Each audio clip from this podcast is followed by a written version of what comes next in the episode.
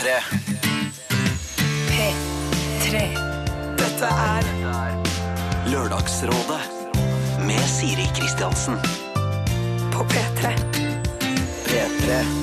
God eh, morgen, du hører på Lørdagsrådet, og det er jeg som er Siri Kristiansen. Jeg tenkte på at det å være forelska må være en av de absolutt beste følelsene du kan ha inni eh, kroppen din. Jeg har vært forelska mange ganger, eh, så jeg vet åssen det er. Jeg har derimot aldri f.eks. vunnet i Lotto, noe jeg ser på som hovedutfordrer til å være den beste følelsen man kan ha. Men selv om det er den beste, så vet jeg ikke om det er den største og mest altoppslukende følelsen du kan eh, ha. For eksempel så syns jeg det virker som om sorg kan være en mye sterkere følelse enn glede, da, som jo eh, forelskelse er. Selv om det er en glede som grenser opp mot galskap. Og så mener jeg har hørt eller lest eller sett, eller i det minste tenkt, at sjalusi er helt på topp innen følelser hvis man tenker på intensiteten og galskapen i den.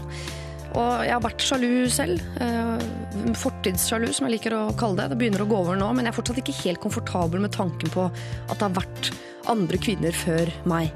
Men det er eh, mitt problem, det er i mitt hode, og det er noe jeg må deale med. Jeg skal, jeg skal ikke plage andre med det, og spesielt da selvfølgelig ikke lokføreren. Men midt oppi dette så har jeg masse sympati og forståelse for uh, deg som sliter med sjalusi. Det er ikke bare å ta seg sammen, eller bare glemme det, eller vokse fra det, eller tenke på noe annet.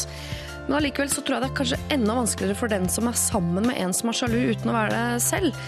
Altså Du kan være så forelska du bare vil, men hvis du er sammen med en som du elsker, men som hemmer deg fra å være den du er, får ikke lov å gå ut, spør hvor du har vært, hva du skal, lukter i håret ditt om det er noe fremmed, alltid er mistenksom og du må gå litt på tå og hev, så tenker jeg at man må nok dessverre revurdere hele forholdet. Vi skal hjelpe en å revurdere sitt forhold rett og slett til en eh, sjalu mann i Lørdagsrådet i dag. Eh, Men mens vi venter på de som skal hjelpe oss med det, altså Ulrik Imtias Rolfsen, Are Kalve og Helen Vikstvedt, eh, så tenkte jeg vi skulle se litt på hvordan det har gått med en av dere som har fått råd i Lørdagsrådet tidligere. Eh, Det tar vi rett etter at vi har hørt Thomas Dybdahl. Dette her er From Grace. Lørdagsrådet. På P3. P3. Dette her var Thomas Dybdahl from Grace, sang han altså. En deilig låt å starte morgenen med for min del. Selv om jeg har jo sittet og hørt på dunk-dunk-musikk i bilen innover, altså. Så eh, dagen er i gang, det er ikke det. For to uker siden så var uh, Gunhild Dahlberg her, Solveig Kloppen var her, og Rune Gokstad var her. Det var ekstremt eh, hyggelig. Midt oppi dette så fikk vi en mail fra en jente som hele livet hadde gjort akkurat som mora hennes sa. Og som mor så setter jeg jo pris eh, på det, men allikevel som menneske så tenkte jeg så mye må man ikke høre på moren sin. På et eller annet tidspunkt så er det meningen at man skal eh, hoppe ut av redet og se om man kan fly. Nå vil hun eh, reise til utlandet for å studere. Det syns moren var en ganske dårlig idé, og hun satt da selvfølgelig og var usikker og trengte litt råd fra oss. Hun fikk ikke bare råd, hun fikk et titalls kraftige rumpespark eh, fra oss i Lørdagsrådet. Jeg tenkte vi skulle høre noen av dem om igjen. Må bare pakke sammen uh, utenlandsveska. Pakke pass og uh, pesetas, som man sa på 80-tallet. og, og dra til utlandet. Eh, og bare bestemme seg inni hjertet sitt. Søke skoler, komme inn og dra og høre på faren sin. Ja, fordi et, hun jo, må jo ta et oppgjør med sin mor som hun har, som hun har fulgt rådene til. Eller, eller det virker jo som moren lever livet sitt gjennom henne, Ja. og at uh, datteren lever livet til moren. Det høres heller ikke, ut, heller ikke ut som han har hatt det opprøret med mora si, som de fleste jenter har, i 14-årsalderen, hvor man er, blir forvandler seg for å være den søte datteren til eh, Slobodan Klikovic. Jeg kom Jeg tror ikke hun kan få ringt til et flyselskap og skaffet seg en flybillett ut av landet raskt nok. Altså. Hun må si til sin mor at jeg er ikke født for å leve opp til dine forventninger. Det er ikke min, det er ikke min oppgave her i livet. Åh, det er en setning du har tygd litt Den har jeg ikke tygd på selv. Tusen takk på vegne av forfatteren. Dette er Lørdagsrådet. På P3. P3. Vi har fått en eh, mail fra denne jenta igjen, og eh, det er med glede jeg leser den høyt for deg. Tusen takk for råd, de er fulgt til punkt og prikke. Leiligheten i Oslo har jeg sagt opp i dag, og jeg flytter ut i slutten av juni. Jeg har også takket ja til skoleplass i England, og moren min har fått beskjed om at mitt mål i livet er ikke å leve opp til hennes standard, som Solveig Kloppen sa så fint. Angående opprør som 14-åring har jeg absolutt gjort det. Tramping i trapper, slenging med dører og tatovering uten lov. Men flink pike-syndromet rammet nok litt hardt. Tusen takk for alle råd. Dere er best. Eh, tusen takk for problemer, sier jeg, og tusen takk for eh, tilbakemeldinger. Det er jo det som holder hjulet i gang. Altså, dette er jo et enormt samarbeid på størrelse med eh, trafikk, vil jeg tørre å påstå. Altså rundkjøringer, motorvei osv. Jeg skal ikke si hvem som er hvem og fordele roller og sånn, for du skjønner du er inni det bildet jeg prøver å male. ikke sant? Dette er Lørdagsrådet På P3. P3. Kjempegjeng som har laga den låta her. The Stockholm Syndrome, blant annet CLM, de er medvirkende på denne låta, som eh, for tiden jo er høyaktuell, den låta der, vil jeg påstå. Eh, Vi venter på dagens eh, rådgivere. eh, Imens tenkte jeg skulle komme med en tilbakemelding til fra en av dere som har fått eh, hjelp tidligere og kommet godt ut av det. Jeg leser. Hei, Lørdagsrådet. Det var jeg som hadde dette litt rare spørsmålet med han i klassen som jeg hadde en hanger på uten at jeg selv skjønte hvorfor. Jeg, eh, altså det var en jente jeg kan jo oppdatere, da, som var eh, ekstremt opptatt av den klassen. Hun skjønte ikke hvorfor. Hun var hun forelska? Hun visste ikke, hun tenkte på han hele tiden. Hvor er han? Hvor sitter han i klasserommet? Ser han på meg nå? Men hun ville ikke egentlig kline med meg. Hun visste ikke, Det var mye rart der. Jeg skjønte jo veldig fort eh, og godt da dere snakket om det på radio, at jeg sannsynligvis ikke var helt ferdig med den fyren her. Så jeg tok det rådet jeg følte jeg satt igjen med etter å ha hørt på dere, dette med å åpne hjertet mitt. Jeg tenkte jeg skulle gi mulighet for at det var noe mer, å gi dette en sjanse. Før jeg rakk å komme så langt, var det en ny bekjentskap som meldte sin interesse for meg og mitt åpne hjerte. Cirka to uker senere oppførte vi oss nesten som kjærester. Det var litt rart, men også ganske fint. Helt til han trakk seg helt unna. Ble stille i en uke, og da jeg spurte etter en forklaring, sa han noe om at eh, han ikke hadde tid. Konklusjon? Vi var ferdig, hva nå enn vi var. Så nå sitter jeg her igjen, da, alene. Med et hjerte jeg fortsatt prøver å holde åpent. Uansett, han fyren i klassen, og det var det som var problemet, ikke sant, det er vi enige om. Han fyren i klassen ble fort glemt så fort det var noe annet spennende som skjedde i livet, så det er over nå, og godt er det. Takk for rådene deres, selv om jeg ikke fikk testet ut på den måten det kanskje var ment. Men så ble ikke utfallet så aller verst allikevel. Hilsen fortsatt singel student med et litt mer åpent hjerte. Vi har åpnet et hjerte! Sier jeg på vegne av Lørdagsrådet. Og det har vi tenkt å fortsette med nå fram mot eh, klokka tolv. Åpne, lukke, sette på gløtt. Du veit. Alt det der skal vi gjøre nå fram eh, mot eh, tolv. Donkeyboy har vi altså hørt, eh, og låta deres eh, City Boy. Og eh, underveis i denne musikalske lille perlen så har samtlige av våre rådgivere funnet hver sin stol. Helen Vikstvedt, humor- og dansekvinne. Mm. Hva er du mest om dagen, føler du? Du, nå har lagt dansen på hylla for øyeblikket. Oh, ja. Den la jeg på hylla nå for noen uker siden, så nå har jeg tatt fram skuespillerkarrieren igjen. Men da har jeg misforstått gangen i livet ditt litt i forhold til dans. Ja, ja. fordi du var jo på øvelse. Rakk du å få premiere før du la det på hylla, eller var det one Eh, Ja, show ja, only? Nei, det er Tree show only, Yes. men for sånn er det i dansemiljøet. At det er ikke så mange show. Nei. Øver masse, masse, masse. Bitte, bitte, bitte, bitte små show. Veldig, veldig fort. Tre stykker, så er det ferdig. Ja. Så, Ikke si det til noen som har med sånn kulturmidler å gjøre, for det er veldig veldig dyrt å finansiere det. De hører ikke på radio. De hører ikke på radio, for det syns de er tull. Jeg får folkelige. Nå er Ja. på teater, dem nå. Uh, Ulrik Imtias Rolfsen, god morgen. God morgen. Uh, har du det fint? Et kjedelig generelt Ja, spørsmål. det var men vær veldig så god, sånn svar. vanskelig uh, Nei. Du Jo da, jeg har det. Det var bare for å skape litt stemning. Ja, ikke sant? Jo, Litt jeg har det, veldig, jeg har det egentlig veldig fint. Å ja, hvorfor det? Nei, for det er bare litt sånn store problemer i livet som har liksom løst seg litt og sånne ting. Så da har man det jo mye bedre. Jeg håper vi får små drypp av det utover i jeg håper vi hører ofte fra deg i dag. Sånn, jeg har akkurat vært innom det der sjøl. det er en setning jeg vil høre. Are Kalve, eh, satire- og språkentusiast, har jeg nå døpt deg. Ja, takk for det. Ja. Er du, kunne du studert lingvistikk, føler du? Jeg kunne sikkert gjort det, men jeg tror ikke jeg ville likt det. Å nei. Jeg tror jeg ville kjeda meg. Å ja. Er du sånn som kjeder seg? Jeg ser for meg deg med en sånn stor bok som kan sitte sånn og le i en krok og sånn. Se på det artige ordet her. I dagevis. Ja.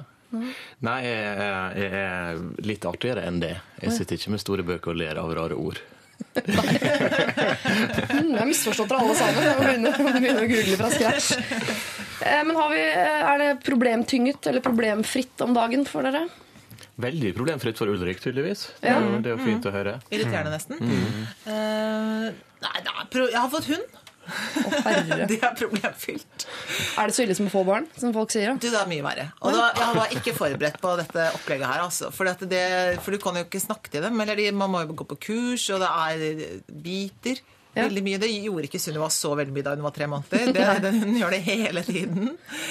Og eh, hopper oppå meg sånn bakfra, som du heller ikke Sunniva da hun var tre måneder. Så det er, det er veldig forskjell.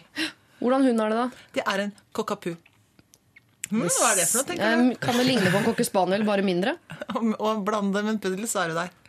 Men uh, er du ikke for ung til å ha en sånn hund? Nei, å, takk, sier jeg bare. Så snakker vi ikke noe mer om det. Nei, greit. Are, no- nye elementer i livet ditt? Av typen Eh, ny sofa. Har du fått ny sofa? Mm, jeg har fått ny sofa. Merker at det er mer entusiasme hos meg rundt det enn det Ja, med hund? det kan jeg forstå. Ikke bjeffa han, ikke hoppa han på ryggen min. Det ville overraska veldig hvis sofaen hadde gjort det. Snakker vi hjørne, sjeselong, tresetter, skinn? Ja, Nei, alt, alt du sa nå, unntatt skinn. Er det lov å spise i den? Ikke foreløpig, men det kommer, kommer til å gli ut, selvfølgelig. Er du der i livet nå sånn Nå er ungene så store at nå kan jeg bruke litt penger på en sofa, for det blir ikke makrell i tomat og, og Biola i den i løpet av morgenen. Resten av livet så skal jeg, jeg skal bare bruke pengene mine på møbler framover. Resten av livet. Ja. Jeg er bestemt meg for. Møbler og litt unødvendige ting i heimen. Vi tar en runde på, og dette har dere vært igjennom alle tre før, men vi må gjøre det hver gang, fordi nye lyttere kan ha kommet til, og nye elementer kan ha uh, kommet til eller falt fra i livet deres. Vi har allerede hørt at øh, Helene har fått hund, og Are har fått sofa. ikke sant? Ting skjer. Det er ikke. Store ting skjer, altså. store ting skjer.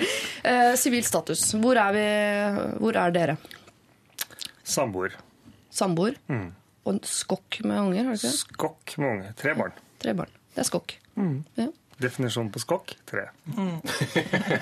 Det er god at ord, ikke sant? Skokk hørte du har også Det er. Ikke? Det, var, det var ord satt sammen med andre ord. Ja, det er det var sant. ikke bare ord. Nei, det var setningen i sin helhet.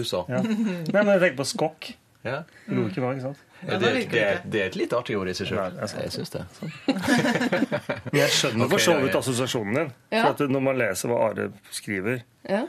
så er det ofte liksom rundt et ord eller et eller annet sånt, innbiller jeg meg. kanskje. Underfundighet Jeg er rundt sikkert ord. sånn, jeg, liker, jeg prøver å late som om jeg er en litt mer sånn artig, livlig kar. Mhm. Som ikke sitter fordypa i ordbøkene. Men eh, egentlig så er jeg så trist og nerdete som dere vil ha det til. Men bortsett fra det, da. Sånn, hvor er du, hva er din sivile status, hvis du skulle ha fylt ut det på et papir? Eh, fortsatt gift, hvis det er en kategori på Ja. sånne papir. Fortsatt gift, står det ofte. Ja, fortsatt gift og med sofa. Med sofa. Det er der vi vil være. Helen? Også fortsatt eh, gift. Gift nå på 23. året. Eh, og eh, ganske fornøyd med det. Har ikke tenkt å gjøre noe med det sånn umiddelbart. Nei. Tror jeg ikke han er heller. Har ikke hørt noe om det, i hvert fall. Og nei. Og unger og bikkjer og en du er der. tredjedels skokk. Ja, en tredjedels skokk. Vi skal ta masse problemer i dag, dere. Jeg håper dere er liksom klare for det. Men vi kaster oss rundt hvis det skulle dukke opp et prekært eh, problem sånn her og nå. Hvis du sitter eh, nå og eh, blør eller gråter eller er glad, eller hva det måtte være. Så kast deg over mobil eller mail og send det inn. lralfakrøll.nrk.no er vår mailadresse. Eller så kan du sende på SMS. da. Det er kodeordet P3, og nummeret det er 1987. Lørdagsrådet med Siri Kristiansen. På P3. P3. I, Emma Jedi var det, og deres eh, Places. Og vi har fått inn intet mindre enn eh, fem SMS eh, som irettesetter oss på dette med skokk. Mm. En skokk er tre snes, eller fem dusin om du vil, altså 60. Så det vil jo si da at Ulrik, du har 60 barn. Eh, Helen, du har 20. Ja, det har jeg. Det syns jeg er interessant å ta med seg inn i de neste to og en halv timene. Og dere har veldig veldig spesielle lyttere i dette programmet. her. Absolutt. absolutt. Jeg er så glad for at det ikke er et skriftlig program, for da hadde folk blitt veldig hissige hver gang det var orddelingsfeil. og sånn, for det er- mye folk som henger seg opp i småting der ute. Men det er hyggelig, det. Ehm, vi skal over til en jente som er et snes år gammel, bare for å bruke lytternes språk. da. Jeg er en jente på 20 år og har vært eh, i lag med typen min i snart to. Han er veldig fantastisk, og vi har det veldig bra sammen. Har masse kontakt med familien hans, og familien min liker han også. Vi bor sammen og er sammen om alt. Men han har tidligere hatt noen dårlige forhold som tydeligvis har påvirket han ganske mye, og han har store tillitsproblemer. Han har problemer med at jeg er alene sammen med mine venner og gjør ting uten han. Jeg har aldri gjort noe som skulle ha svekket tilliten hans til meg, heller det motsatte. Jeg droppet alle fester i hele år og unngår ofte vennene mine for at han ikke skal bli sur og sint på meg. Jeg er vel egentlig en veldig energisk og glad jente som liker å være sosial. Vi har snakket om dette mange ganger, og ingenting forandrer seg. Vennene mine mener at jeg skal slå opp, men jeg er så usikker, for jeg elsker virkelig denne mannen. Jeg fikk tidligere i år muligheten til å reise på tur til India med jobben, noe jeg alltid har drømt om siden jeg var liten, men da jeg bestemte meg for at jeg ville, snakket han ikke til meg på to dager og stakk av for å drikke seg drita. Jeg reiste ikke til India. Jeg har lenge hatt lyst til å ta utdanning i utlandet, studere der eller reise verden rundt, noe som i dag ville vært umulig med denne typen forhold. Vet ikke hva jeg skal gjøre. Skal jeg slå opp med han og reise rundt i verden, eller skal jeg velge kjærligheten, og hvordan kan jeg ordne opp i tillitsproblemene hans? Jeg elsker han virkelig, men jeg trenger å se verden. Hva skal jeg gjøre? Vær så snill, hjelp meg. Trenger sårt hjelp. Altså, skal hun bli og fikse opp der, eller skal hun gå og gjøre det hun egentlig vil? Han må gjøre det han egentlig vil. Ja. Det må han jo gjøre. Og så får hun ta det bråket som kommer, da. Så får vi se liksom hvor mye bråk det blir. Og så hvis det blir for mye bråk, så kan hun jo ikke være sammen med han. Det går jo ikke. Det, hun sier jo på en måte selv, hun- for hun sier at det, alt det som hun har lyst til å gjøre i livet sitt, det kan hun ikke gjøre, for at han enten går og drikker seg dritings eller blir sur eller snakker ikke til en driver med sånn avstraffelse. Ja. det er jo Det går jo ikke, dette her. Er jo ikke bra. Det er, høres jo ikke så hyggelig ut, det forholdet. Bare hvis hun oppfører seg ordentlig da, altså, og ikke gjør sånn som eh, hun vil selv. Da, da går det greit, liksom. Ja. Jo Han har jo et problem her. Hun får jo ikke gjort noe med det. Hun kan ikke gjøre noe med det. Bortsett fra hvis hun er streit og grei, så kan hun kan ikke gjøre noe mer enn det. Han må jo ordne opp i huet sitt. Ja, Kan man øh, forandre en som er utro, til å bli en som stoler på deg? Nei, en som er utro. Hallo. En, en, som, en som er veldig sjalu, da, til å bli en mer trygg type. Hun kan iallfall ikke ha det sånn som de har det nå, tydeligvis. Det høres jo ikke bra ut i det hele tatt. Da er det jo han som uh, avgjør alt, og hun gjør ingenting som hun har lyst til. Uh, de hadde snakka i lag, sa hun. Eh, Det bruker å være et godt råd, så da er kan vi stryke det. Men det, er jo- det høres ut som hun ikke har prøvd, det er jo også se hva som skjer hvis hun faktisk sier nei, men jeg går på den festen, jeg, og jeg oppfører meg bra der, for det gjør jeg alltid. Og jeg, jeg drar ut med vennene mine på tur denne helga. Og eh, hvis han virkelig ikke takler det gang etter gang etter gang, så, så kan det jo ikke være noe hyggelig å være i lag med han, kan det? Nei. Jeg droppet alle fester i hele år og unngår Ja, vennene mine for at ikke han skal bli sur og sint. Skal det være sånn, eller? Nei. Det skal ikke være sånn. Det, hun er jo på en sikker vei mot eh, livslang bitterhet hvis hun gir opp livet sitt Ja. som hun liker det, for ham. Da vil hun på en måte, Hvis hun blir i dette, så vil hun også bli bitter og sur, òg. Og da er det jo inn i en svært ond sirkel. Men det er klart at det går jo an å ha en middel, middelvei hvor hun må man prøver å analysere hva på disse festene er det han ikke liker, og hva med vennene, og hvilke venner er det han ikke liker, og prøve å komme til bunns i det. Hvis hun virkelig elsker ham og ja. være litt, litt mindre kategorisk og litt mer nyansert på det, så kan det hende at eh, man finner ut at det er én spesiell eller to, to stykker han er usikker på, eller liksom komme til bunns i usikkerheten hans. da. Ja.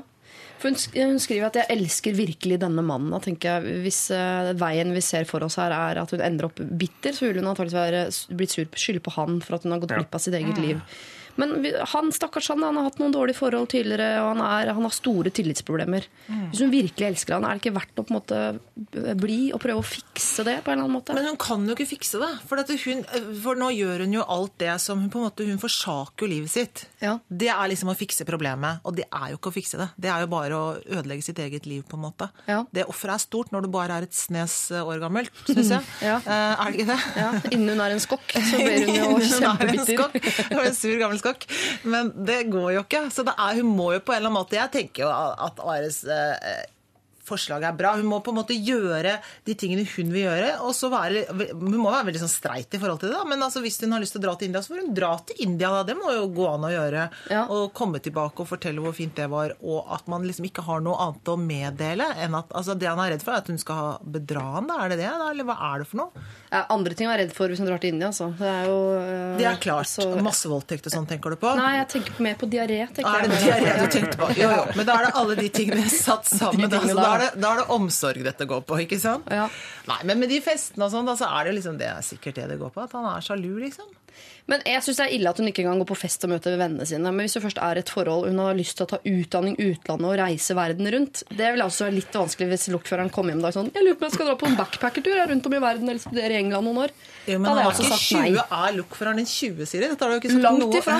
Langt. Men når du er 20, så må du få lov å dra verden rundt og utdanne deg i utlandet. Det mener jeg, det må man da virkelig få lov til når man er 20. Det kan man få lov til helt til man er ja, sånn lokføreralder, da. Da er det slutt. Men det, Ja. det, må fall, det, må i fall, det går an å snakke om og diskutere hvordan skal vi ordne det, og hva vil vi med det. Men altså, så ikke kan gå på fest engang, så er det noe da er det noe mer grunnleggende som er problematisk her. Da virker det ikke som om han har lyst til å slippe henne til syne i det hele tatt. Og da Da må hun bare prøve å finne ut om det faktisk er sånn. Så hvis de virkelig har snakka ut om det, så må hun bare hun å gå på fest. Men så lurer jeg også på hvor mange fester er det, liksom? Så er det sånn, er 20. Når du er 20. Når du er 20, ja, men. Hvor mange fester er det som bare du skal gå på, ikke gå sammen med kjæresten? For det virker som det er liksom mange fester her som er sånn Men du får ikke være med, jeg skal på fest.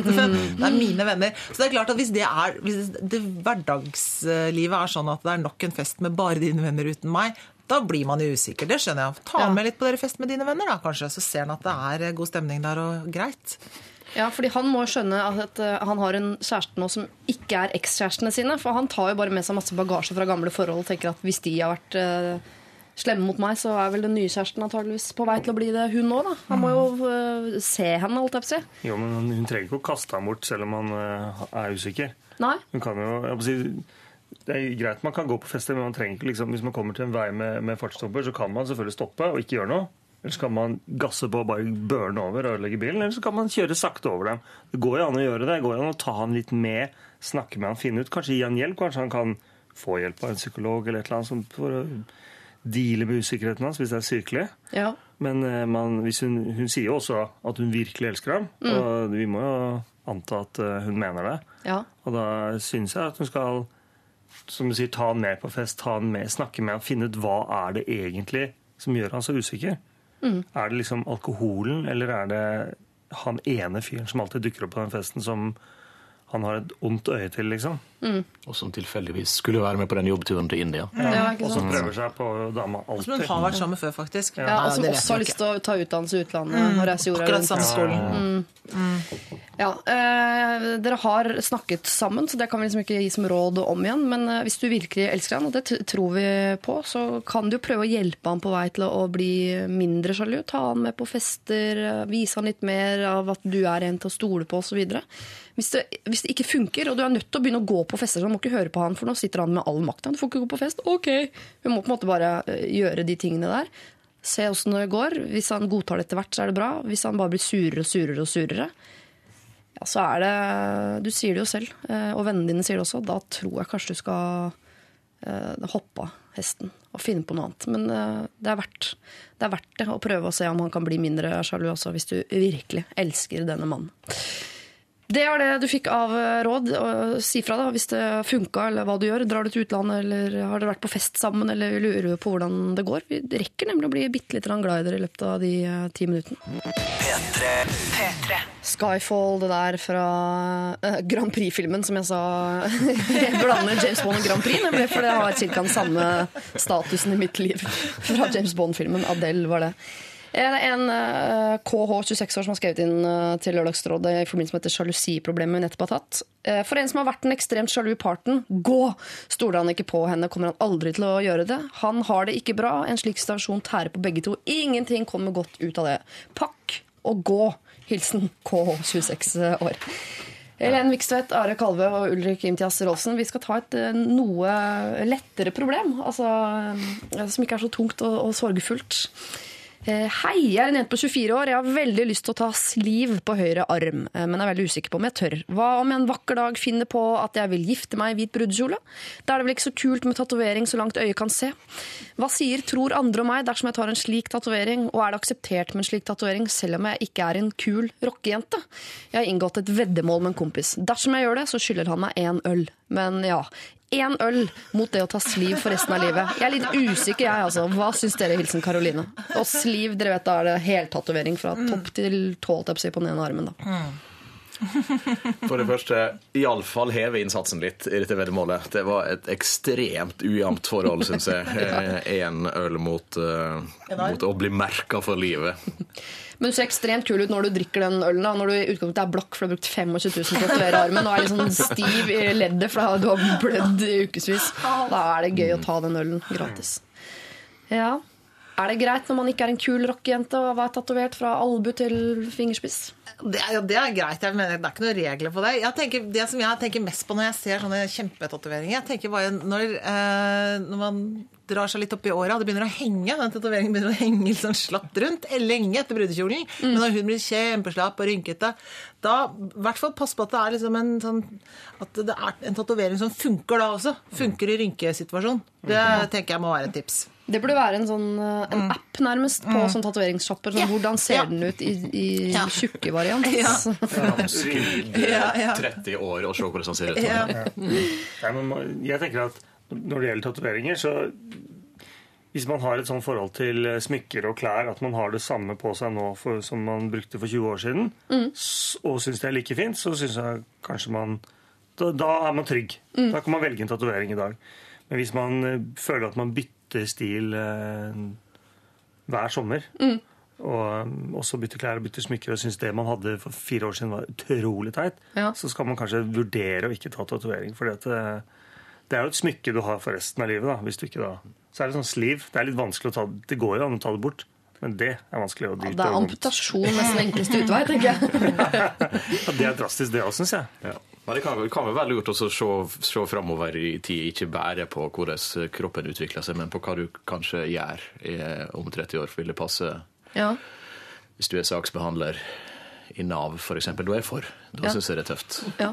Det, Nei, du må se hva er du i livet om noen år. Vil det passe da? Vil det se stilig ut? Og hvis du tenker ja, så er jeg for at folk må få gjøre akkurat sånn som de vil. Og spesielt folk som ikke er kule rockejenter. Ja, for Hvor langt fram i tid skal man drive og, og se hver gang man vurderer noe? For Hvis jeg helt tenker på sånn, Vil jeg synes dette er ok når jeg er 50, så kommer man jo til å leve et ekstremt kjedelig liv. For da gjør man jo ingenting. Da Da kutter man ut antageligvis alkohol og fester og reising og one night stands. Og, altså, da er det jo ingenting som er gøy lenger. Fordi Men de fleste tingene du velger å gjøre eh, i livet, er jo ikke synlig utapå kroppen din i så direkte forstand som en tatovering er resten av livet. Det kan ikke ha et litt fint eh, minne fra da du var eh, 20 og gæren. Altså Når du sitter her 50 år og jobber i Nav, da. Ja. Og, er for. Jeg syns det er spesielt bra når du er 50 og jobber i Nav, faktisk. Men jeg tenker Det blir jo gøy når den der rockegenerasjonen kommer på gamlehjem. For det er jo, det kommer jo til å være mye gøyale tatoveringer der som har skrumpa sammen og blødd utover litt. Og det, det kommer til, å- sånn er det jo ikke på gamlehjem i dag. Da er det bare noen sånne sjømenn,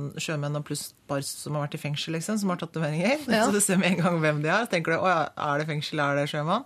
Ja, det er begge deler. Eller, og så, og så, mens nå om 50 år, da, da er det jo en hel gjeng som sitter der og er tatoverte. Det er bra. Skaller overalt, sånn skalla menn med masse sånne tatoveringer oppi hodet. Ja. Det er gøy, det. Altså, Jeg ser for meg gamle mennesker med sånn dren i, som går rundt og bærer på sånn stativ med flytende væske, og så står det sånn 'hate' på knokene. Det er jo veldig fint. Veldig. Nei, kjør på, tatover meg. Men, men du må få men mer enn den ene ølen. Det er, Ja, det. det er for lite. innsatsen. Ja. Men jeg, jeg syns vi skal henge oss litt opp i dette. Er det akseptert med slik tatovering selv om jeg ikke er en kul rockejente? Fordi jeg syns jo uh, tatoveringer er kjempesexy. Det må jeg innrømme. Uh, nesten alle typer tatoveringer syns jeg er kjempesexy. Uh, men hvis du har sånn veldig rocka tatovering, og så går du bare i sånn stripete, litt florlette topper fra Lindex og steinvask Jeg veit ikke. Ser det litt rart ut, eller? Nei. Det synes jeg. Da, da, Jeg tenker, da, det- det- Dette er jo, dette er jo iallfall ikke uinteressant, tenker jeg. Her er det jo et eller annet mer enn det det ser ut som. Så- Noe schizofrent på to bein? Ja, det var å trekke det langt. Men det, det, er jo, eh, det er jo en person som har tenkt mer enn én tanke, ser det ut som. Og det er jo, liker jeg jo. Ja. Hm. Karoline, det høres ut som det er god stemning for at du skal ta deg en uh, sliv, men eh, du er nødt til å få altså, Selv om jeg syns ikke du skal ta deg en sliv bare fordi det er et veddemål. Du må ha lyst på den sliven. Du må ikke ha lyst på den ølen, for da det er en billigere Ja, da, utgave. jeg kjøpe, da kjøper jeg gjerne det. Ja. Hvis det er det det går på, da kjøper jeg øl. Ja, Eller kjøp en øl selv, for det er billigere sånn, enn enn å tatovere seg for sånn 25 000, eller jeg vet ikke hva det koster. For å, ja, å tatovere en hel arm. Eh, men Karoline, du har vår aksept for å ta denne tatoveringen. Eh, men ikke si det til moren og faren din at det er vi som har sagt at du får lov. For vi orker ikke å stå innenfor det i etterkant. Det blir for mye. Send bilde, da. Og send Ja! bilde! Vi vil ha oppdatering, men denne gangen i form av MMS. Og da sender du det inn selvfølgelig med kodeord P3 til 1987. Lørdagsrådet På P3. P3 Avol Nation har vi hørt, og deres uh, Sail før det Carpe Diem Snøhvit i Lørdagsrådet, altså. Eh, vi har vært innom eh, store, tunge og små, lette problemer eh, allerede. Eh, skal vi bare ture videre? Ja. Er vi liksom Kjør på. Kjør på. Nå er vi her. Nå er vi her. Eh, Ulrik Imtias Rolsen, Are Kalve og Helen Vikstvedt. Som er da dagens ærede lørdagsråd. Ærede lørdagsråd. Veldig gøy å høre på dere, og rådene dere gir. Håper dere kan hjelpe meg også. Jeg har lovet jenta jeg har datet i noen måneder, å bli med i bryllupet til venninnen hennes, som jeg ikke har hilst på. Bryllupet skal skje ca. en times kjøring fra byen vi bor i, i hjembygda til bruden og jenta jeg dater. Jeg sender verken brud eller brudgom. Problemet er Jeg fikk eh, vite senere at vi skal overnattes hos familien til jenta jeg dater. Med andre ord, jeg kommer til å hilse på familien hennes. Jeg har ikke hilst på dem tidligere, og noe eh, jeg ikke føler meg klar til å gjøre nå heller. Selv om vi ikke eh, sover over hos hennes familie, så kommer jeg til å treffe hennes foreldre i kirka. De kommer til å være til stede under vielsen. Jeg har dårlig erfaring med å treffe svigerforeldre sånn plutselig. Jeg har foreslått at jeg kan kjøre, at jeg ikke trenger å drikke, samt at jeg kan komme etter kirken, siden foreldrene ikke kommer til å være til stede under middag eller fest. Men hun vil gjerne at jeg skal være med fra begynnelsen. Hun sier også at eh, hun vil ha en, et, et forklaringsproblem overfor familien hvis hun drar i bryllupet og ikke overnatter hjemme. Så lenge jeg dukker opp i bryllupet, så kommer jeg ikke til å være anonym, for foreldrene hennes vil uansett høre om meg både før og etter bryllup. Alle kjenner alle i bygda, samt at brudens mor og mor til jenta jeg dater, kjenner hverandre godt. Så hva skal jeg gjøre? Vil jo holde det jeg har lovet, men jeg har verken lyst til å overnatte eller treffe mine kommende svigerforeldre ennå. Føler liksom ikke at jeg er klar for å treffe dem. PS, det er ikke hotell i nærheten der bryllupet skal være. Takk for svar, hilsen frustrert mann. Og PS igjen, vi er ikke offisielt kjærester ennå, derfor skriver jeg jenta jeg dater. Skjønner? Fiffig. Ja, han Det er jo har et dårlig interessant stykke informasjon helt til slutt. Ja, ja, Ja, ja. Ja. De, er, altså, de er på en måte kjærester. Og han sier jo det er med mine kommende svigerforeldre. og Sånn, så her, er det, disse kommer til å bli sammen. Det er bare, jeg syns det er litt tidlig å møte svigers. Det mener jeg er lov å føle. Ja. Det, og og når det er liksom, De har liksom ikke på en måte helt liksom definert at vi er kjærester, i hvert fall overfor folk rundt seg. Så er det heftig å gå rett inn i sånn eh, og ta den rollen da, overfor så veldig mange på hennes hjemmearena. Jeg skjønner at det er heftig. Men eh, det er klart at da Men Men i Norge så tar man ikke med seg en man dater i bryllup. Da er det kjæresten din du tar med. Du tar ikke med deg en du har møtt noen ganger, eller det som har holdt på det- borti Ameriken osv. Ja, men da er det kanskje det, da. At det er to forskjellige oppfatninger av det forholdet her. Ja. At eh, hun har en kjæreste, men han bare dater.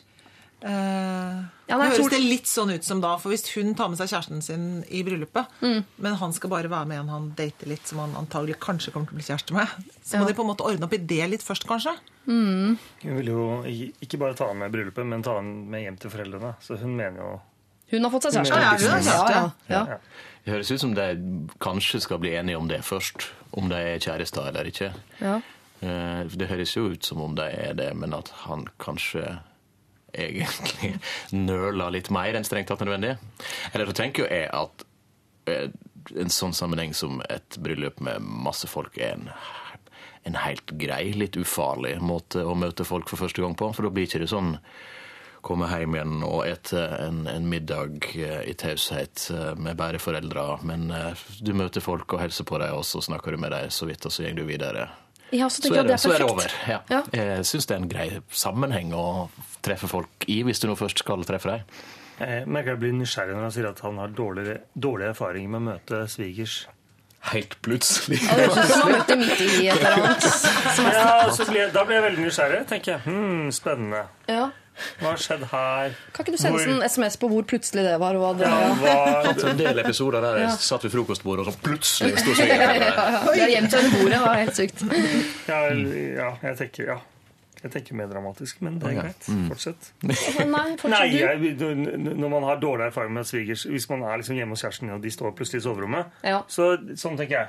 Ja. Ja. Tenker kanskje klisjéfilm med en gang. Ja. Ja, det er en uh, dårlig dårlig. erfaring Det er å møte ja. møte svigers plutselig. Mm. Jeg er helt enig. Og det er jo ikke bryllup sånn uten videre, i hvert fall. Nei, hvis det er det han tenker unna handikapdo. jeg, jeg, jeg oppfatter det slik at hun måtte bo hjemme, og da hvor skulle han da bo? Skulle han også bo da hjemme hos Ja, henne? ja. Da er jo da tenker jeg, da, liksom, Det er det med morgenkåpen og stå og vente i gangen utenfor badet og sånne ting han tenker på da. Ja. Kanskje. Jeg vet ikke. Ja, for jeg er enig at Det er perfekt å møte i uh, under vielsen, hvor, hvor man ikke har tid til å snakke med noen. egentlig, For det er helt tydelig noe som foregår framme ved alteret Ja, der. du er definitivt ikke hovedpersonen, og det er veldig greit når Ja. du først skal møte folk. Men det er det å sove over, altså, Ja, som men han kanskje kan bli at han kanskje ikke behøvde å sove over, eller var han sånn klar for å ikke drikke og kjøre bil hjem? og Var det det han sa? Ja. Det er jo alternativ, for det er ikke noe annet sted å sove der. Så hvis de skal dit og han skal være med på moroa virkelig, så må de sove hos foreldrene. Eller så, som han sier da, så kjører jeg. Ja, men det kan han jo gjøre. Da, jeg tenker, da får han liksom vært på den festen. Folk er ikke så innmari opptatt av han heller. Altså, det er andre hovedpersoner. Og så er det sånn Å ja, dette er, er det kjæreste, bla, bla. Sånn fort, sånn komfortabelt. Så kan han, behøver han ikke, ikke noe sånn egg og bacon dagen etter liksom, hjemme hos moren og faren. Det behøver han ikke.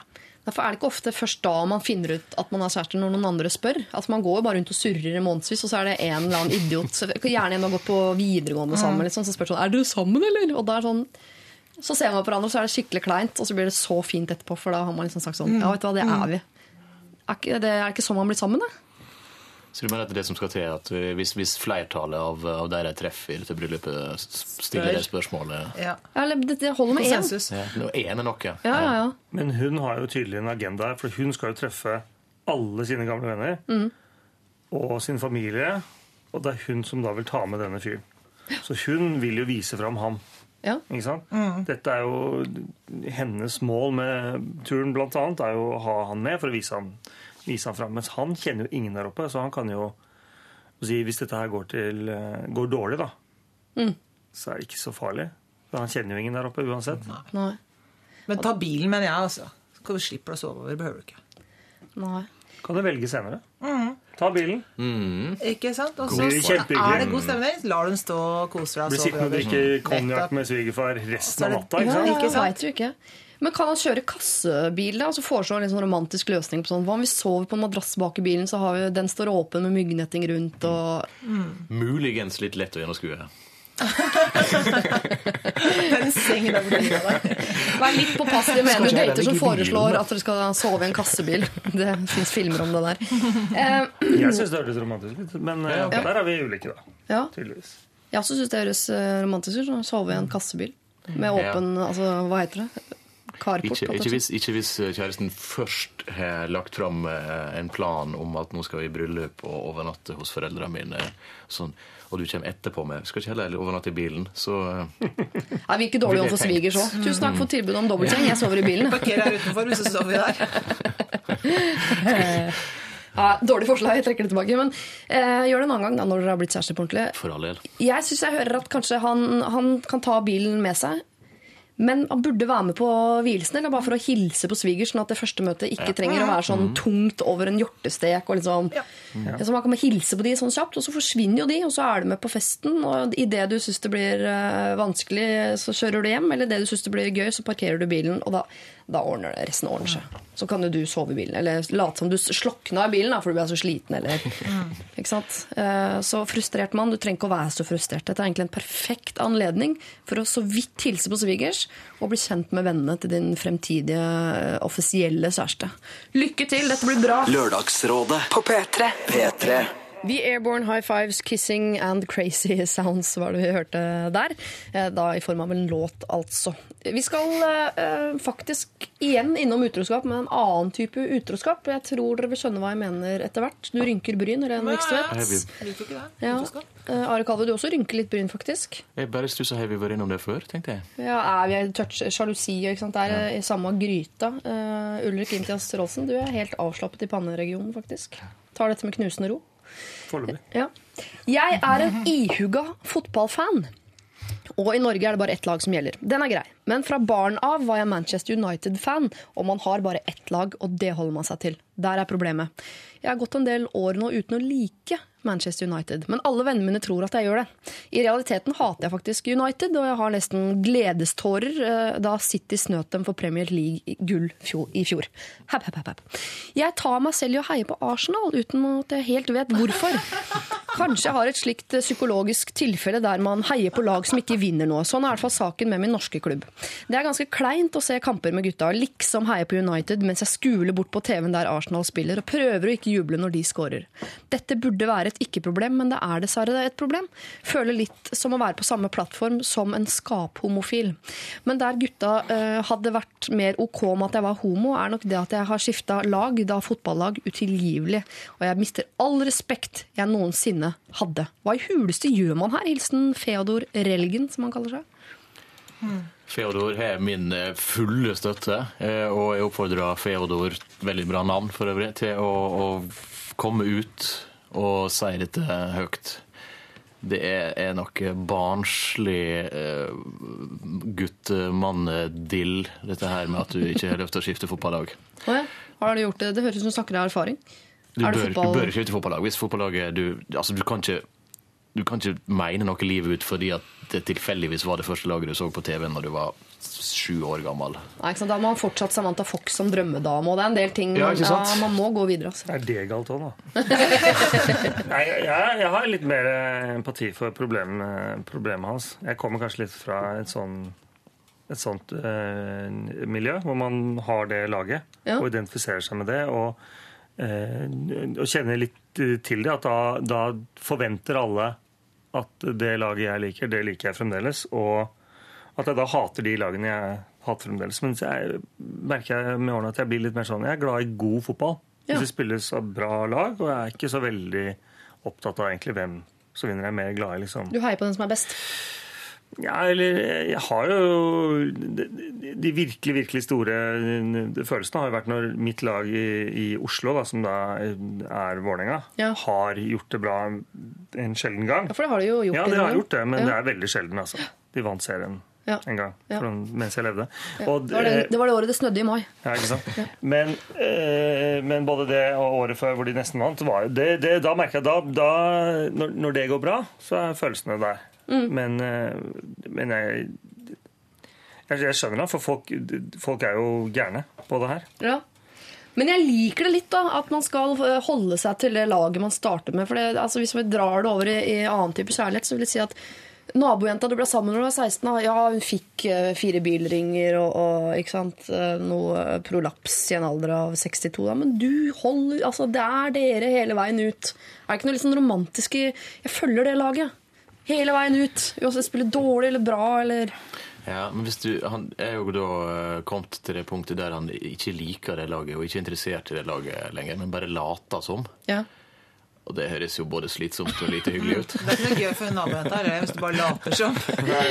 Men jeg merker at jeg blir veldig eh, stille. Nå kvikna jeg litt til, da. Men, men eh, ja. Eh, For dette sånn fotballdedikering Jeg skjønner virkelig ikke så innmari mye av det. Nei. Så jeg skjønner, jeg skjønner ikke helt ordentlig at det er uh, At det er så farlig å si fra da, at man liker noen andre. Eh, men jeg skjønner, jeg skjønner at det er sånn, men jeg bare greier ikke helt sånn å kjenne på den følelsen. Uh, i fot, for jeg skjønner, altså Når du refererer til når de vant C så tenker jeg hm, hva snakker du om nå? Skjønner ikke noe av det Ja, for du, så hvis jeg bedt deg forklare forskjellen på serie og cup, f.eks. Aner ikke hva du Nei. snakker om. Det eneste jeg er opptatt av, er jeg syns det er gøy når det er verdensmesterskap i fotball, og jeg ser bare etter hvem som er kjekkest. Det er det eneste jeg er opptatt av. Da må du se på Danmark. Danmark. tenk, tenk deg hvis du har en, en eh, Du hadde vokst opp, og det var en venninnegjeng, og man syns at de, de La oss si man er litt sånn småfriket. Altså de sossejentene er utrolig teite. Man er sammensvenset der. Ja. Og så plutselig så kommer man på skolen i Burberry dagen etter og har gått over til eh, de jentene Ja. der. Ja. Gått fra frik Sånn til sos. Sånn er det. Sånn er det. Sånn er det. Greit. Bortsett fra at disse fotballfansa sannsynligvis er voksne. Ja. De er ikke 14. Nei. Men Men er nå, det ikke nå sånn tror du du tar mye for gitt her. Hva, Hva mener du med voksen, da? hva mener du med voksen? Hva er voksen nå? Er du moden i tillegg? Nei, ikke, ikke disse her eh, som hvis de i fullt alvor blir, blir sinte på kompisen Nei, som er skifter på voksne. så er ikke du så veldig moden. Men jeg tipper at de er over 18, de det er snakk om her, så Men- da må det være greit. Ja, Men det jeg kan forstå, er kanskje det at det er klart at for han så er det vanskelig å gjøre det fordi at han bryter ut av det fellesskapet. Altså, Det er det som er vanskelig her. Mm. Det at han, når de er sånn Ja, da ses vi på lørdag, kjempegøy. eh, Manchester Alle er United spiller. ja. Ja. Og da sier han Nei, jeg skal bort til Fredrik, for, der, for vi skal se på Arsenal. Så da plutselig man, har man liksom bytt Det er så mange konsekvenser av dette her, da. Det er kanskje det som er det som er vanskelig, mer enn det å si det. ja. Og det skjønner jeg jo hvis han kan tåle å sitte sammen med gjengen som fortsatt liker eh, Manchester United. Men kanskje og, tenk om alle i gjengen har det sånn, da. Ikke sant? Så alle venter på at kan, Tenk om én hadde sagt nå er ikke United egentlig blitt litt kjedelig. Og så sier alle å, endelig var det noen som sa det. Arsenal derimot. Og så plutselig så blir det en helt ny gjeng som finner hverandre og blir kjent med hverandre på en ny måte. Og så møtes og holder med det laget som til enhver tid ikke er helt best. For det var tydeligvis det som var tingen. Ja, liker de som har litt å stri med. Men det er mulig nå at jeg får masse fiender der ute, jeg beklager på forhånd, men er ikke fotball fotball, liksom? Det er en, en gjeng med med mannfolk som løper etter en ball. Er det så gjør det det så annerledes? Arsenal, Manchester United, det er ikke samme greiene? det er Alle løper i retning av mål og skal få ballen inn. Nei, det, det er det absolutt ikke. For fotball er jo egentlig ikke spillerne. Nei, det er Det er, det er eh, fansen. Det er fansen som er laget. Mm. Det er fansen som ut, hva skal jeg si, Fansen gir spillere Jeg trodde jo før Jeg skjønte ikke hvorfor eh, fansen hele tiden bare godtar at spillerne bytter lag hele tiden. Snakk om utroskap, ikke sant? Ja, ja. Får penger eh, og sånne ting. Men, Ja, men det, det, det viser seg at eh, de som forsker på det her, er jo at fansen er laget. Det er fansen som er liksom lagets ryggrad, og de gir spillerne tillatelse til å representere seg på slagmarken. Eh, og synge, lage sanger for dem osv. Så, videre. så Så det det å være en fan av et lag er å være laget. Og da, hvis du da bryter ut, så er du svensk, da. Hvis du er norsk, ikke sant. Hvis, dette, hvis det er forskning på dette, så mener jeg at Feodor Elgen skal ta med seg det inn i, i den eh, situasjonen hvor han skal gå ut av skapet. Fordi jeg innbiller meg at eh, Manchester United-fansen det er i stor grad barn. Fordi det er det laget man hører om først som barn, og så blir man fan av det på bakgrunn av ikke noe. Bare fordi de andre gutta i gata er det. Og så er det lov da å, å vokse fra det. Jeg lurer på om man skal hente inn litt sånn forskning og statistikk. Nå tror jeg og- du får mange som blir sinte på det. Men det er greit. Det, det, det Yes. gjør du helt Ja. sikkert. Men altså, jeg tenker at hvis det er sånn, og det tror jeg med at det er, at det er fansen som er, er laget egentlig, så er det jo desto større grunn til å bryte hvis du faktisk ikke liker klubben lenger. Ja, det er sant. Så Sofia Elgen, hva skal han gjøre? Skal han eh, komme ut av eh, fotballskapet? Vær ærlig, stå fram, vær stolt ta å være en vinglete supporter som holder med forskjellige lag, eh, og spesielt artig at det ikke er de beste. Ja. Snakk om tips fra egen verden. Begynn å snakke om at du liker god fotball, og sett pris på gode ting hos andre lag. Gode pasninger, gode fint. Mm. Liksom, i så, Åh, det var bra. Altså, fordi at de andre er også enig i at det var veldig bra gjort. Skulle Ja. ønske at han spilte på laget ditt. Så, så kan man liksom bli, bli en litt sånn mer sånn en fotballelsker. Mm. Og så kan man sakte, men sikkert liksom empatisere med, eller sympatisere med, med Arsenal da, etter hvert. Hvis du, blir, hvis du eh, får omvendt gjengen til å bli bare sånn fans av god fotball, så er det jo dessuten veldig, veldig veldig mange flere kamper dere kan gå og se enn bare kampene til United. Men veien derfra og over til å da si at du liker et lag som ikke gjør det så bra, er jo litt kronglete igjen, da. Ja, men det, altså det, hvis du først får folk med deg på det første steget, så skal du nok klare det andre. Det er nok det første som er vanskeligst. Bare sett deg i front av flokken, så blir, så blir de med. Det er sånn det fungerer. Så hva huleste gjør man her, Feodor eh, Relgen? Du, er, du må ut av fotballskapet, rett og slett, og eh, stå fram som den Arsenal-fan du er nå i 2013. Du har vokst fra Manchester United, det er det veldig mange som gjør, altså. Veldig, veldig mange. P3. Rudimental var det der, 'Waiting All Night'. Sånn partymusikk som jo er, egentlig passer ikke helt i det landskapet vi skal over igjennom, men vi prøver oss. Helene Viksvedt, du er rådgiver eh, i dag. Ja. Har du, eh, hva så langt husker du, liksom? Som, eh, hva føler du at vi har løst i dag?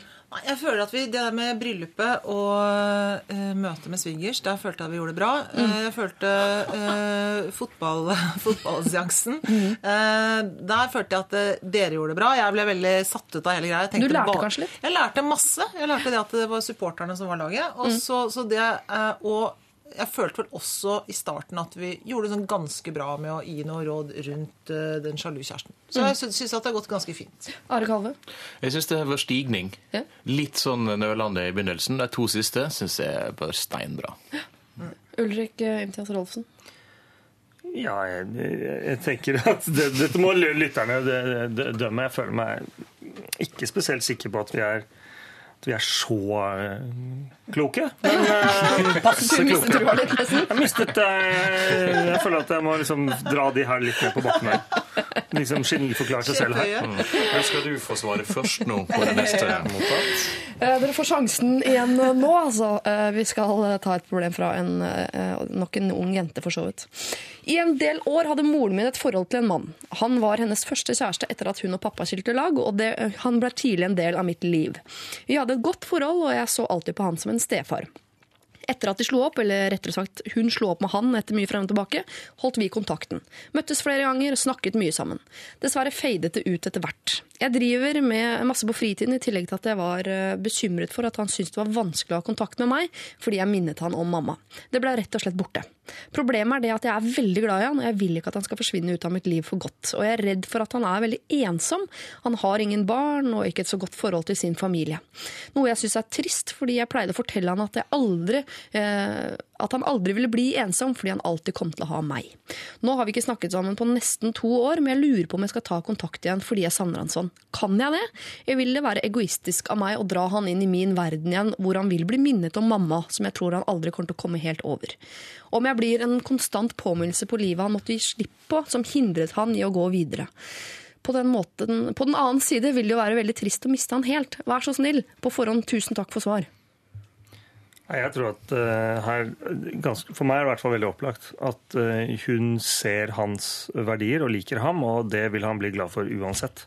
Å bli, bli, å bli sett. At noen liker han i den familien. Om ikke moren hennes gjør det. Så uh, jeg vil ikke Man vet jo ikke helt hva som har skjedd mellom moren og han, da, men Nei, ikke mer enn at det har vært mye fram og tilbake, at det var hun som slo opp. Ja, men, men hun har helt tydeligvis lyst til å ha kontakt med han og syns han er en fabelaktig fyr. Og, eh, da jeg, og hun høres jo ut som hun begynner å bli voksen også. Så da syns jeg absolutt hun skal gjøre det. Det kan være veldig hyggelig. Ta kontakt. Foreslå et møte. Jeg støtter, støtter det bortimot helhjerta, vil jeg si. Ja. Det er Hva er det som mangler?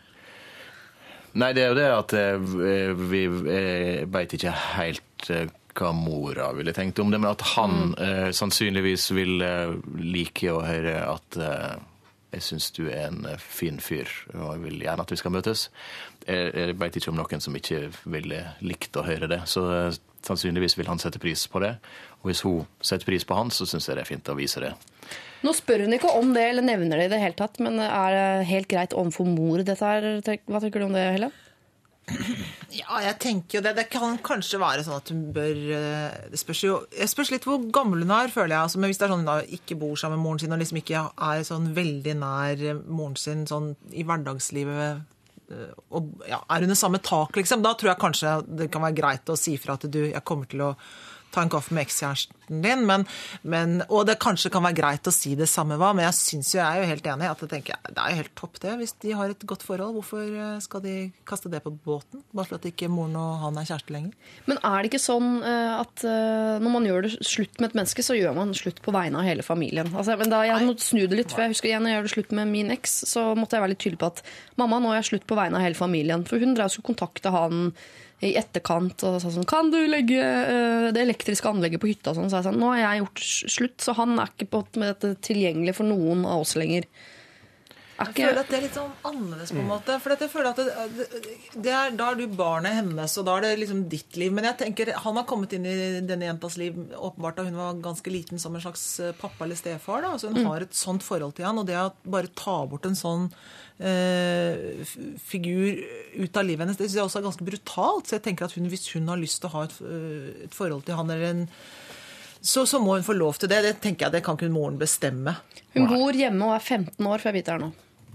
Hun bor altså under samme tak som Ja, sin da, mor. må snakke, da må hun snakke ordentlig med moren sin. Ja. Da er det helt annerledes. Da må hun snakke ordentlig med moren sin. Ja. Det kan hun, og da må moren få lov å mene noe om det.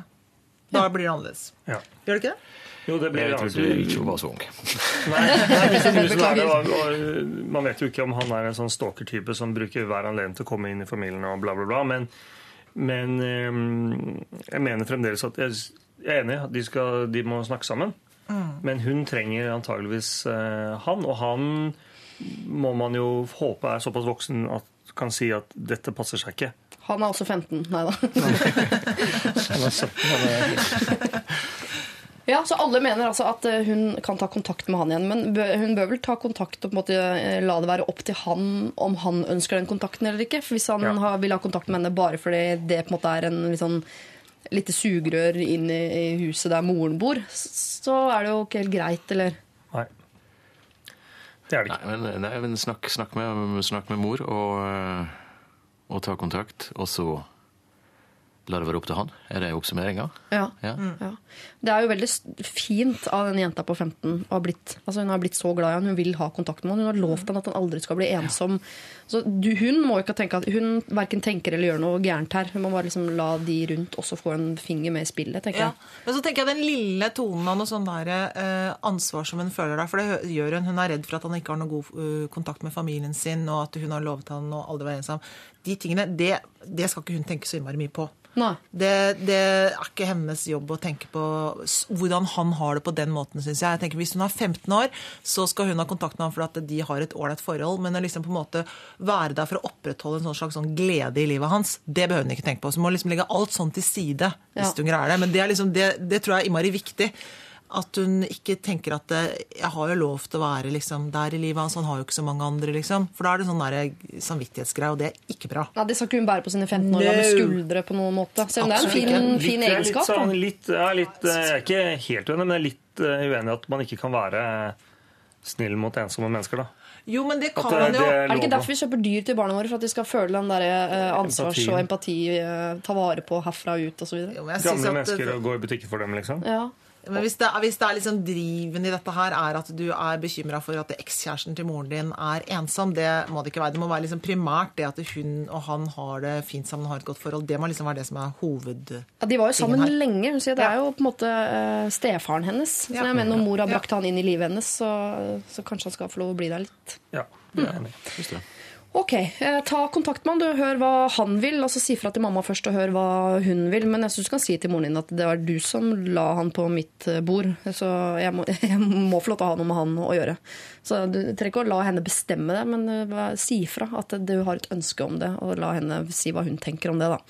Eh, her vil vi også veldig gjerne vite hvordan det går. Dette kan jo bli en solskinnshistorie uten en annen verden. Kanskje neste gang vi får mail, så er det fra 'Vi er i Italia sammen!' Og har det, altså, dette kan bli veldig fint. da. Ellers kan det selvfølgelig gå til helvete. Eh, uansett så vil vi vite det.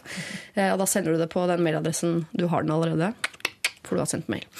Eh, vi går videre med Sivert eh, Høie med hans Moon eh, Landing. og Hvis du nå føler deg snytt for at jeg ikke sa mailadressen høyt, fordi du sitter med et sånn blødende problem selv, så kan jeg godt si det. altså. lralfakrøll.nrk.no. Dette er Lørdagsrådet På P3. P3. Disclosure og deres latch før det Sivert Høyem og Moon Landing.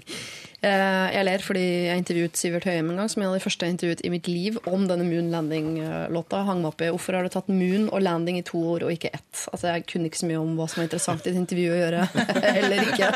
Det ble et ganske rart intervju, da.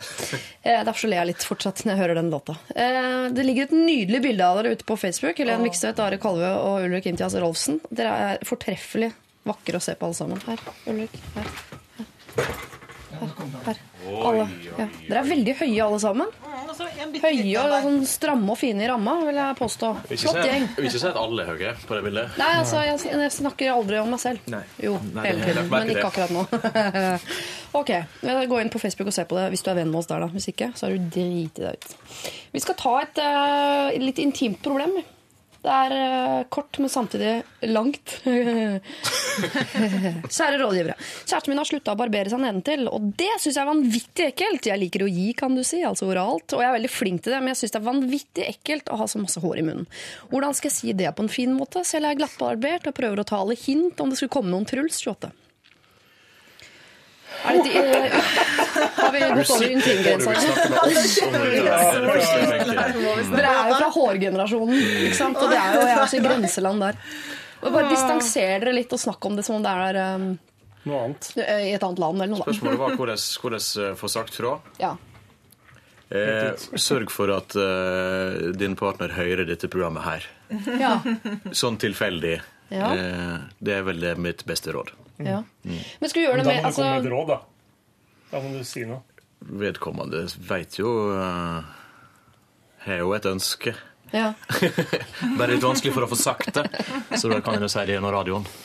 Jeg skal gjøre om altså, Jeg skjønner at den hår i munnen i setningen der gjør det litt, da det blir vanskelig å snakke om, rett og slett. Uh, uh, eh, Hårene vokser i munnen. Jeg får lyst til å si mye rart her nå. La oss gjøre det mer generelt, da. Man har vært sammen en stund, og da slutter man plutselig å gjøre ting man gjorde før. Man tillater seg å bli mye mer sånn hverdagslig. Og slutt, la oss si du slutter med lipgloss og, og høye hæler, som i mitt tilfelle f.eks. Ja, og, bli litt, gi litt mer F, eller mer komfortabel i forholdet osv. Man, kan man da som kjæreste nærmest kreve sånn Du, når vi møtte hverandre, så gjorde du dette og dette og dette. Og det syns jeg du skal fortsette med. Dette ringer en bjelle. Synes jeg. Men det snakket vi om sist jeg var med her også. Litt sånn, sånne problemstillinger. Det, det tror jeg er vanlig. Og jeg tror det rådet vi kom fram til den gang, var å, å eh, gi noen gaver i den eh, retningen. Ja. Vær så god, en barberhøvel.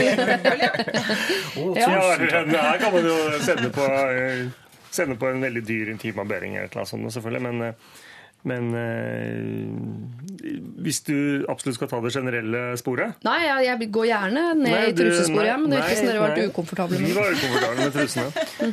Nei, men På det generelle plan så er det jo et interessant, en interessant problemstilling. Og det, da må man eh, ja, kanskje hinte med gaver.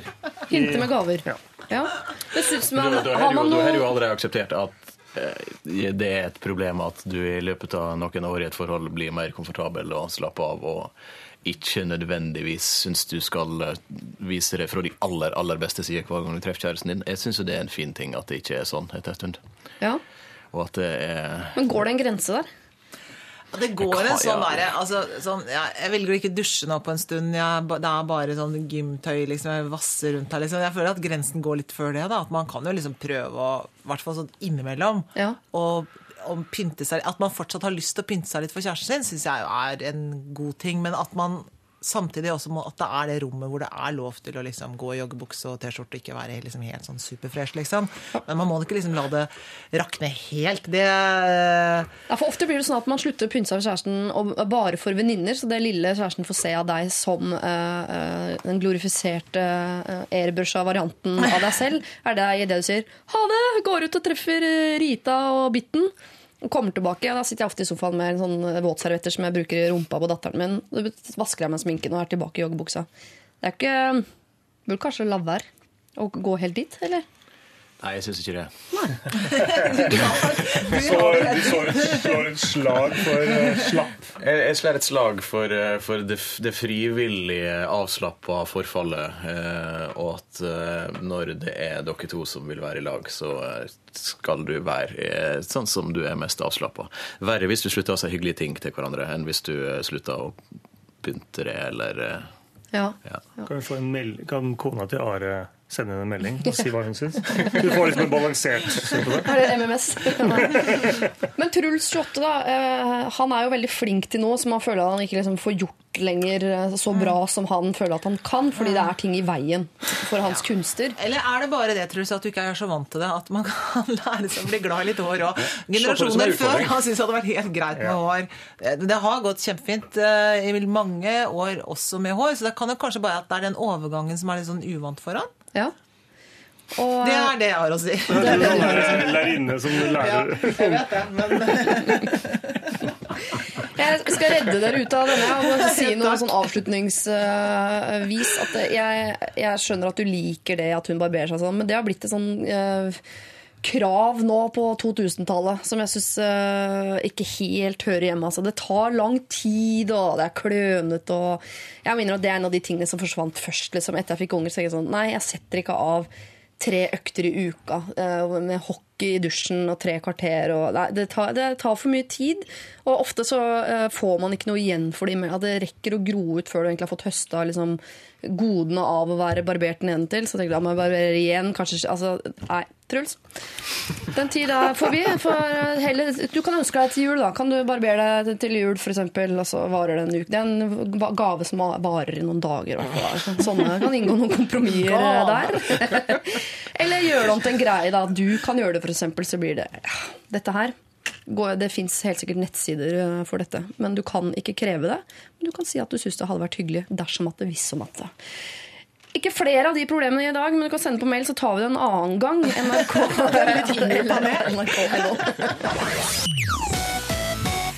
NRK. P3. Metallica og deres uh, Unforgiven. En lang, lang, lang, lang, lang og fin, fin låt. Vi skal ta et uh, problem som jeg jo allerede så vidt har nevnt. og Du sa jo, Ulrik, uh, at du syns jeg la litt føringer når jeg snakket om dette problemet. Er det Ingen kommentar. La, lar du deg føre av det? Vi får se. Eh, Helen Vykseth er også her, og Are Kalvø. Og her kommer problemet. Hei, jeg har et litt rart problem, vil jeg tro. Jeg har nemlig en venninne som gjentar omtrent alt jeg sier. Vi har vært venner en del år, men dette har først begynt å utvikle seg de siste månedene. Eksempel. Jeg sier Vi møtes i morgen for å gjennomgå oppgaven vi har skrevet, da. Hun sier ja, dere vi møtes i morgen da for å gjennomgå oppgaven vi har skrevet. da. Jeg sier vi kan jo møtes klokken tolv i morgen. Hun sier ja, dere, vi møtes klokken tolv i morgen. Jeg sier det hadde vært veldig bra om ingen kom opp til eksamen, da. Hun sier ja, det hadde vært veldig bra om ingen kom til eksamen, da. Dere skjønner greia. Forrige helg var vi på fest, og jeg sa noe morsomt ingen hørte. Sekundet etter gjentok, hun akkurat samme setning, og alle lo. Jeg husker ikke hva jeg sa, det var litt alkohol inne i bildet, men, men. Det er jo ikke så farlig at hun stjal en replikk fra meg, men jeg syns det er så merkelig at hun gjør det hver gang vi er sammen. Av og til er det helt likt, og noen ganger bytter hun på noen ord. Jeg har spurt våre andre felles venner om hun hermer etter dem, men de har ikke merket noen ting, så det er kanskje bare meg, da. Vet ikke om dette er et problem engang, ja, men jeg syns bare det er rart. Hilsen meg. Vi behandler det som et problem. Det høres jo litt problematisk ut, spør du Kan det være at eh, innsenderen her eh, har dårlig diksjon? Eller eh, for å ta opp noe som jeg har opplevd, snakker lavt. Jeg får ofte kritikk for at jeg gjør det. Ja, ja. Eh, og nå har jeg mikrofon, så da er det egentlig greit. Men eh, vanligvis så snakker jeg ganske lavt.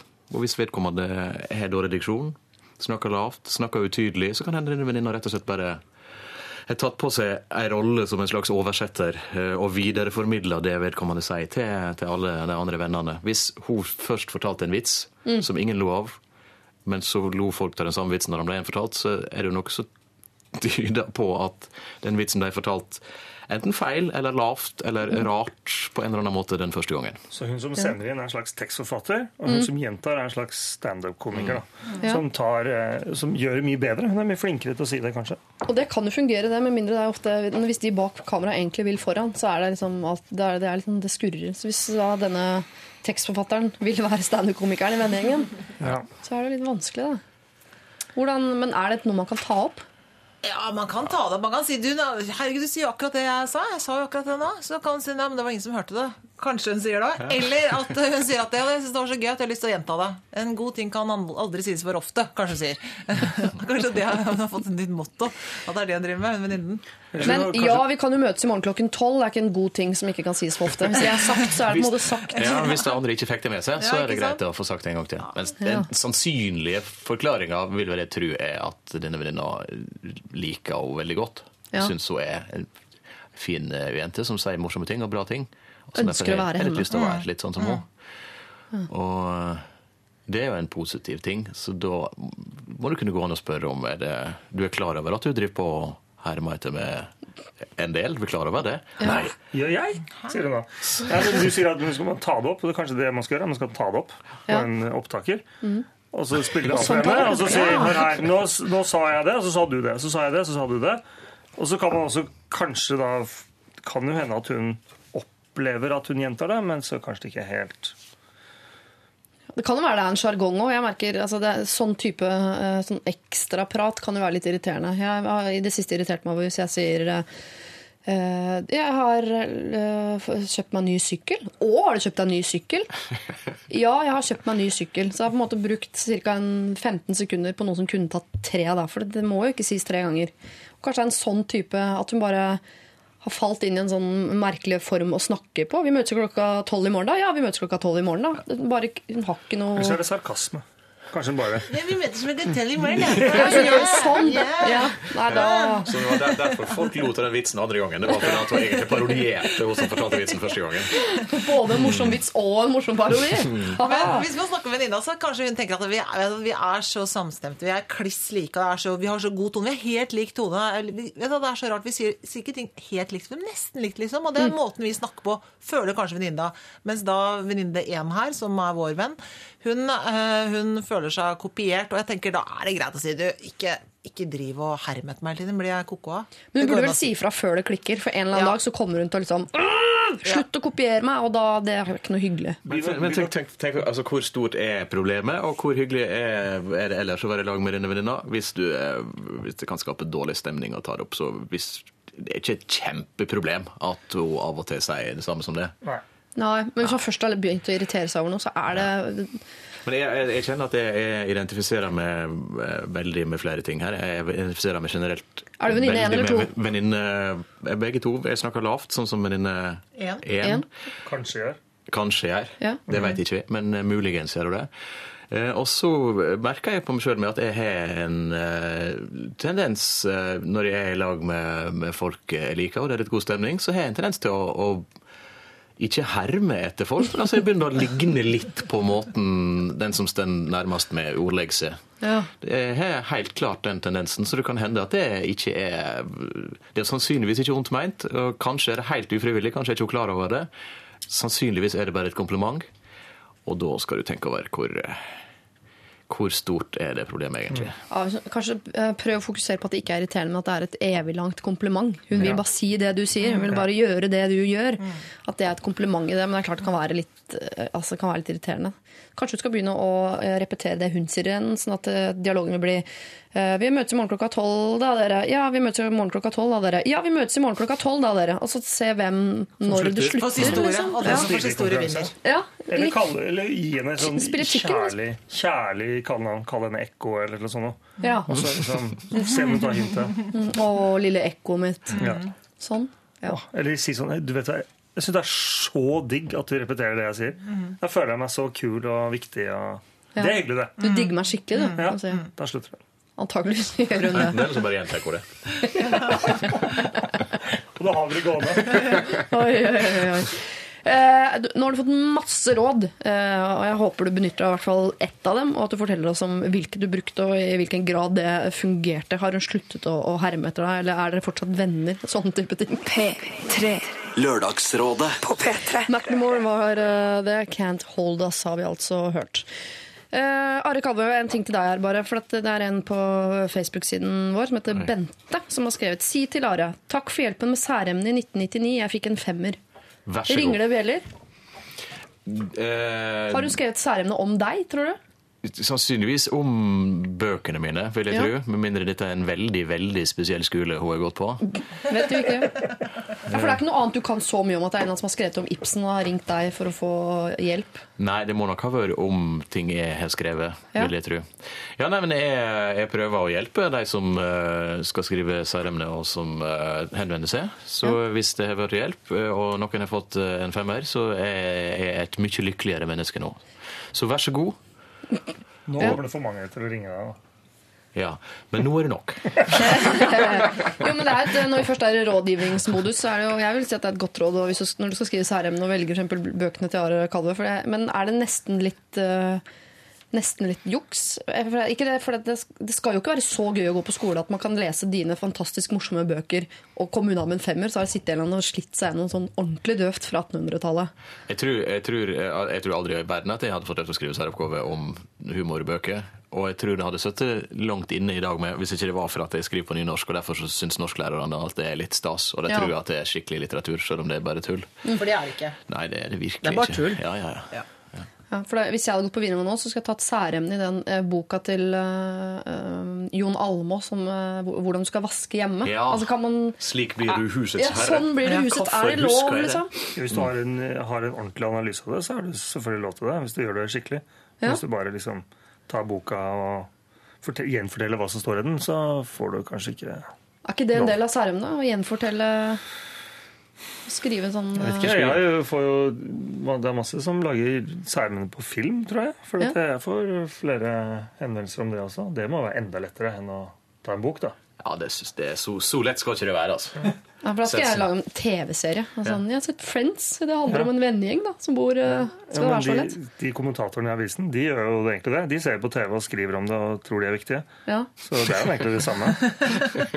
Nå kom det noe grums her. Ja, nå ikke var det Det var ikke grums, det var, eh, det var en, forsnakkelse. Husker du hva du skrev særemne om, eh, Helen? Ja da. eh, Lillelord Johan Borgen. Ja, ikke sant? Hva- Må Sleit du deg gjennom det, eller syns du det var gøy? Nei, Broren min hadde skrevet den før, så jeg brukte mye av det. Å, det liker jeg så godt. Jeg, skrev, jeg tror jeg skrev om regnskogen tre-fire ganger i løpet av ungdom og, og videregående. Hver gang regnskogen. Nei, jeg var ikke jeg var opptatt av regnskogen, syntes det var fint der. da. Og så brukte jeg det der en fotballbane kappes ned hver dag. Det tror jeg skrev i samtlige. Vi skal ta et problem, men vi venter litt. Grann. Vi skal nemlig over til eh, naboproblematikk. eh, Fordi noen har fine hus, andre har stygge. Noen er opptatt av hvordan det ser ut, andre er det ikke. Eh, Men når man bor i et nabolag, burde, det ikke, burde ikke alle være enige om at nabolaget burde se pent ut? Jeg vet ikke. Vi tar en runde på det etter The Wolves. Dette her er Let's Skate This Town. Dette er Lørdagsrådet På P3. P3. The Wolves, det der Let's Skate This eh, Town har du hørt her i Lørdagsrådet. Eh, og vi tar dette eh, naboproblemet. Helen Vikstvedt, Are Kalve og Ulrik Imtias Rolfsen. Hei, jeg har et Unnskyld at jeg legger så trykk på Rolfsen bestandig. Det, det har vi snakket om før. Jeg syns det er litt vanskelig å si. Rolfsen. Jeg Jeg tror du bare konsentrerer deg veldig om å si Imtias, og så Og da så, snubler du etterpå. Ja. Da tror du er ferdig med jobben, og så kommer det et ord til. kommer det en fartsdump til. Ja. Det kan hende.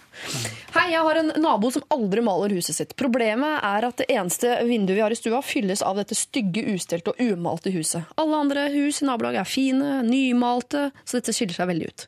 I tillegg til dette har de en bil med en alarm som går hele tiden, så oppmerksomheten trekkes stadig mot dette stygge huset. Vi er ganske mye i nabolaget og lurer på hvordan vi skal si fra uten å ødelegge naboforholdet. Vi har vurdert forskjellige tiltak, som å putte malingsreklame i posten, eller samle en gjeng og male det på nattestid. Dårlig idé, altså. Hva skal vi gjøre? Hilsen nabo som blir mer og mer deppa over egen utsikt. Hmm. Har dere et sånt stygt hus i nabolaget, dere? Jeg bor jo midt i Oslo, så det er jo stygge ting i alle retninger. Men det liker jeg jo. Ja, men Da må du bli sur på kommunen, for det er vel de som Ja, men jeg, synes, jeg, jeg vil ha det sånn. Jeg vil, jeg vil ikke bare sitte og se på fine ting. Det er jo veldig kjedelig. Ja. ja. Ja, Du har jo allerede sagt før i dag at du liker det naturlige forfallet. At det skal synes. Ja. Det, ja, det gjelder. Ute og hjemme, ja. ja, ja. Innvortes og utvortes. Uh, Helen? Ja, altså Jeg også bor jo midt i Oslo, så jeg ser også litt av hvert ut av vinduet mitt. Mm. Men jeg skjønner jo det at når man hvis det er sånn at veldig få hus tett i tett, og man har det ene vinduet som stirrer bort på en, et forfall, liksom, så skjønner jeg at det er liksom irriterende på et vis. Men, men det, er, det er jo ikke noen vei utenom her hvis man hvis det er så til bry, da, så er det jo bare så Det, kommer til å bli ødelagt, det nabofellesskapet, liksom. Altså, hvis du skal, det er ikke noen måte å få gjort det der på uten at noen blir sure. Og det er jo de som eier det huset, selvfølgelig. Ja. Eh, og hvis du vil gjøre noe med det, så må du si at du vet hva, at det, nei, jeg skal ikke ta og male det huset. Eller man kan jo dra i gang en sånn, kanskje en samtale. Eh, er det ikke råtefare her nå? Jeg syns malingen krakulerer. Her eh, må dere passe på litt. Skal det dreneres? Altså litt sånn småprat, sånn som jeg tror at folk med hus Dette vet Ulrik mye mer om, for han har hus. Altså sånn småprat om hus. eh, det gjør vi jo ikke, vi som bor i indre Oslo øst. Snak, snakker ikke om sånt. Vi tenker bare Holm kommune ordner noe snart, tenker vi. Nei, jeg, eh, jo, man snakker jo om hus når man har hus, men eh, jeg tenker at det, det kan man egentlig ikke blande seg opp i hvordan folk, eh, hvordan folk har det. Da blir det sånne der, små, eh, små nabolag av perfekthet. Ja. Jeg er ikke noe fan av å si noe om det. La dem ødelegge huset sitt hvis de vil det. det er, hvis det er et trehus, så går det jo i stykker hvis du ikke maler det. Ja. Så eh, Nei, det, det syns jeg er en uting. å Liksom, å- at alt skal bli så likt og perfekt og, og, og sånn. Og det, det er jo mer synd på dem som har et hus som går i stykker, enn deg som da Mannen rundt som man ser på? Ja. Ja. Ja, for det er bare til visuell sjenanse, dette her. Det er ikke noe sånn, jeg hadde skjønt det hvis det er noen som har naboer som har sånn og samler på gamle busser. Så det er liksom 19 rustne busser fulle av spiker og, og asbest og alt. Altså, man vet jo ikke, Da begynner det å bli farlig for ungen i nabolaget, f.eks. Men at det er liksom falma. Nei, det gjør ikke noe. Altså. Det, er, det, er, det er hvis det lukter og det er, hvis det liksom går utover deg, sånn, rent sånn inn i ditt eget hus. Men eh, at man ikke Hvor skal man ende da? Skal man begynne å liksom å flikke på alt, da? Ja, det er det vi driver med. Ja, men jeg syns ikke man skal gjøre det. Klager på at naboen ikke kler seg bra nok. Når han henter posten og Nei, vi kan ikke ha det sånn. Nei, man må, Noen må få lov til å ha overgrodd hage, og noen må få lov til å ha perfekt hage uten at det blir bråk. Det Men det syns de jeg er kan gjøre, kanskje, da, er å plante noe veldig voldsomt for, som liksom skjuler det, som dekker det. Ja. Uh, utenfor vinduet sitt. Eh, sånn at man har et stort tre eller et eller annet som bare liksom tar sikten bort til det stygge huset. Sånn at man slipper å se på det. Hvis det er, for det er jo det som er eh, det som plager dem her. Så det går an å liksom putte noe midt i der, da. Mm. Ikke tuja, sier jeg bare. Ja, men Hvis de liker tøya, så må de få lov til det. Så kan naboen kanskje klage på det. da, og Så er det sånn jo, gi og ta. Så- Så har vi. Utfordringen med et stort tre som skal dekke, er jo at det tar 30-40 år da, å, å vokse. Men Er det det som er utfordringen? tre er det. Det er en, og Men en er det ikke noen hekketing man kan lage da? Ser jeg for meg denne personen gå ut hver morgen for å se på tre. Nei, det er ikke så veldig mye høyere enn det var i går. Det gror ikke. Men dette med å samle en gjeng og male på nattestid, er det noen som tenker at det er uh... Ja, det, jeg ville reagert hvis det plutselig var noen utenfor huset mitt og ma- drev og malte på nattestid. Ja, Det- jeg god tror ikke det, hvis du er redd for at det skal bli dårlig stemning, så tror jeg ikke det er løsningen. Eller kan du heller sånn uh rydde i, i kjelleren og si at du har funnet en del ting som du ikke har bruk for. Måling og sånne Ti ting som bare maling. sto der. Er det noen Ja. som har bruk for det? Ja. For eksempel sånn i stedet for at vi bare skal, skal stå her og ta opp plass. Ja. Ja, det går an. Vi har masse maling til overs fra når vi malte huset. Kunne dere tenke dere ja, fordi hvis, jeg, jeg skjønner at de er der at de har liksom lyst til å ta dugnad for å friske opp det siste huset i nabolaget. Um, men er, altså den familien inne i dette huset Enten så gir de helt F, de er ikke opptatt av hvordan det huset ser ut. eh, Og da får du ikke gjort om det heller. Eller så har de rett og slett ikke råd eller tid til å gjøre noe med et huset. Og da blir man glad eller blir man fornærma hvis naboen kommer inn sånn dere har jo det styggeste huset i nabolaget, og jeg tenkte kanskje Jeg kan gjerne, altså jeg kan betale og gjøre jobben, jeg. Blir man, Da er blir man hissig. Altså. Det er, man skal ikke gjøre sånn. De kan være fantastisk kule, morsomme mennesker som ikke nettopp bryr seg om hvordan det ser ut, eller har en annen oppfatning av estetikk. Mm. Og det syns jeg man skal respektere. Se på det som det, som det ene litt eh, annerledes artige innslaget i et sannsynligvis ellers eh, litt A4-nabolag. Jeg tenker at Kanskje det faktisk gjør at ditt hus ser enda penere ut. Ja, eller hun, eh, hun, De som bor der, er Pippi, og hun her som skriver inn, er kanskje moren og faren til Annika og Tom. Ja. Huset er den stygge venninna. Vi alle er jo mer glad i Pippi enn mora og faren til Tommy og Annika. Mm. Sånn er det faktisk. Da var jeg kanskje litt fordomsfull, men jeg syns man skal være Det syns jeg man skal være. Det syns jeg man skal være. Ja. Eh, ok, dette eh, Du ba antageligvis eh, om et råd der vi skulle si sånn herregud, stakkars deg. Isteden fikk du et dette må du bare uh, tåle. Det er naboen sitt hus, og det er naboen som bestemmer hvordan huset ser ut. Så med mindre det er farlig for noen, bare til liksom sjenanse, nei, så får du bare stå der som det står, som et vitne om tidens tann. Lørdagsrådet på P3. M83 sammen med Susanne Sundfør. Dette var Oblivion fra Oblivion. Eh, vi skal ta et siste mer sånn eh, forbrukerinspektøraktig eh, problem her på tampen av sendinga. Å, bra. Helen Vikstvedt, Are Kalve og Ulrik Intias Rolfsen. Eh, vi skal eh, hjelpe en misfornøyd kunde, rett og slett. Hei, Lørdagsrådet. Etter et mislykket frisørbesøk til den nette sum av 2700 kroner trenger jeg sårt råd om hva jeg skal gjøre. Jeg viste frisøren tydelig bilde av hva jeg ønsket, men man kan knapt se forskjell fra det jeg hadde før. Jeg har ringt og sagt at jeg er ikke fornøyd, men hun tilbød seg ikke å rette det opp. Burde jeg stå på mitt? Det er snakk om mye penger for å gå rundt og være misfornøyd, men samtidig vil jeg jo ikke være frekk. Hva bør jeg gjøre? Jeg er misunnelig på at hun jeg er sånn som ikke sier fra til frisøren om jeg sier jeg vil ha langt, lyst hår og kommer ut med kort blått. Så er jeg sånn Nei, ja, tipp topp, akkurat det jeg vil ha. Jeg sliter med å si fra. Altså, jeg, hun er jo milevis foran meg på det, men hun er fortsatt altså, Skal hun ta det enda videre? Det er klart at jeg føler at Hos frisør så er det, det er liksom veldig vanskelig situasjon, synes jeg. For man blir litt sånn liten i den stolen her og føler at man er veldig Man er jo i deres eh, i deres De har liksom all makta.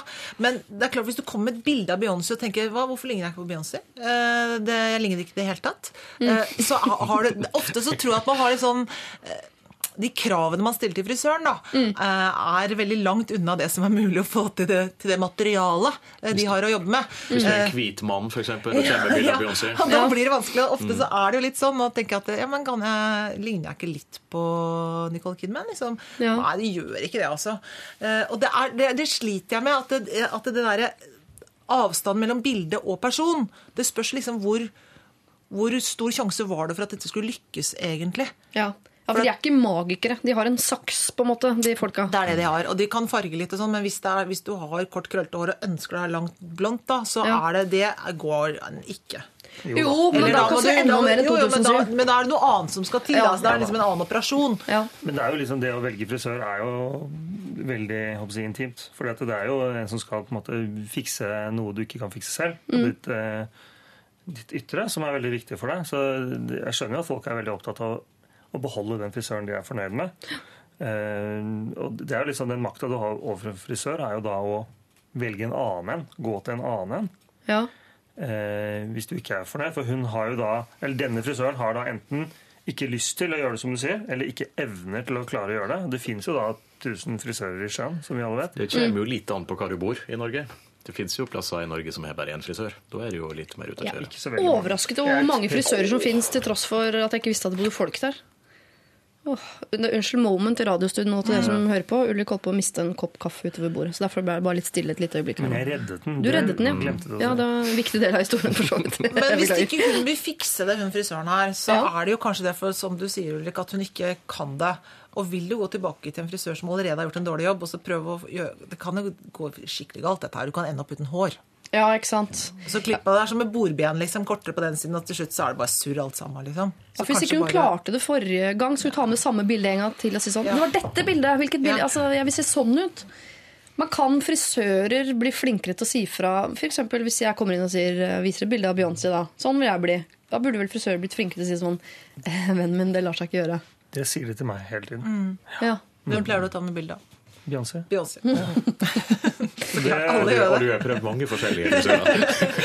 ja, det, er slags, det er konsensus. Jeg har hatt et møte på det i frisørlauget.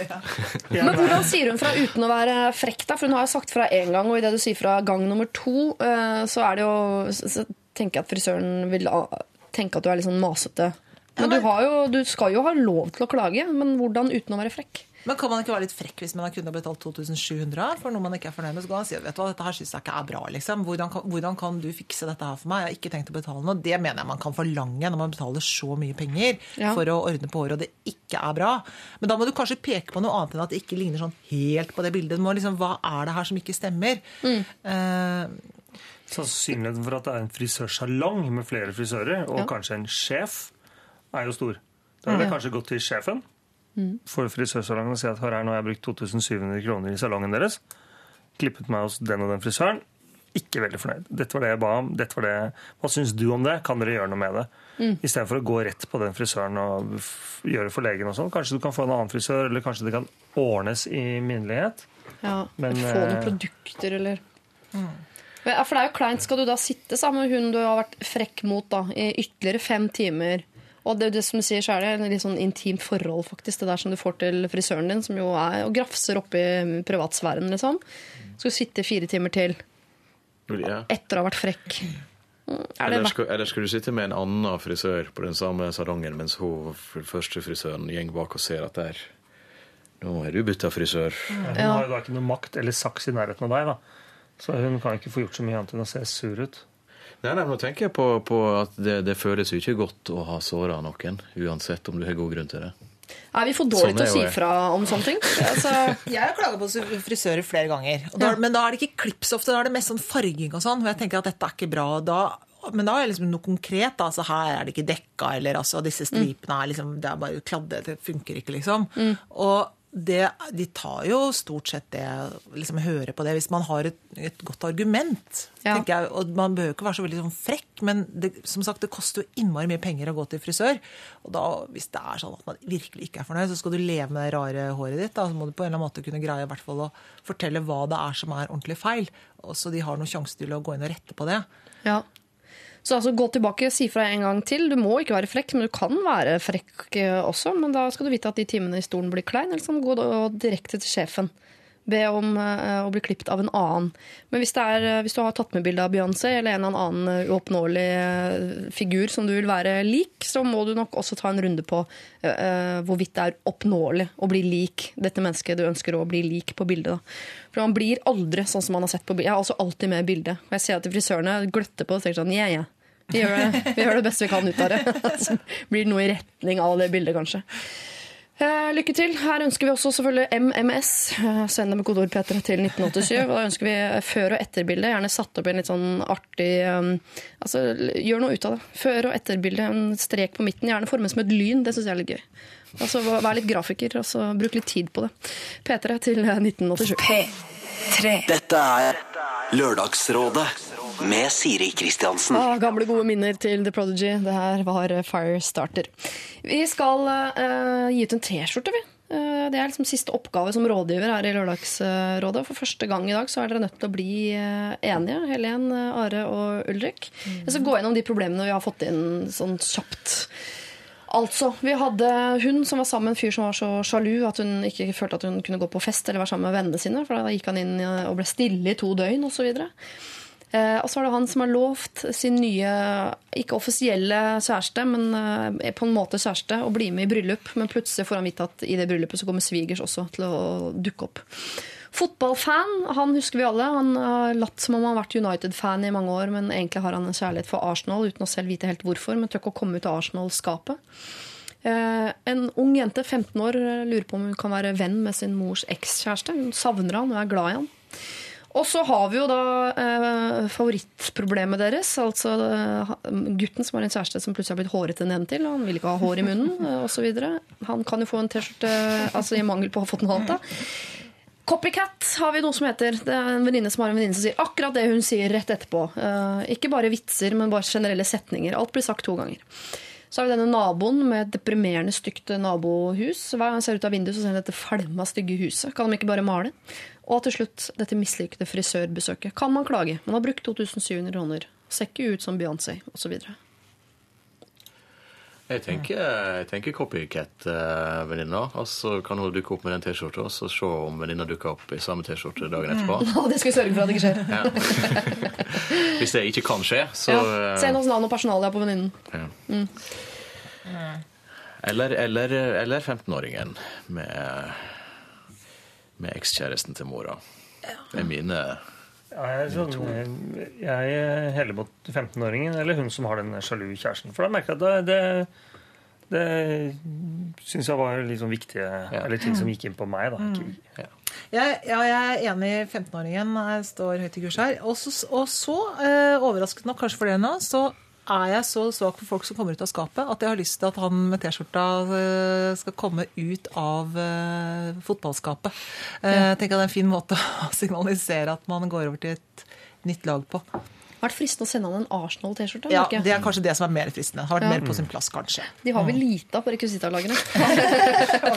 Man kunne lov å skaffe det. Ja, Nei, det veier ikke tungt for på 15-åringen her, altså. Det gjør det. Ja.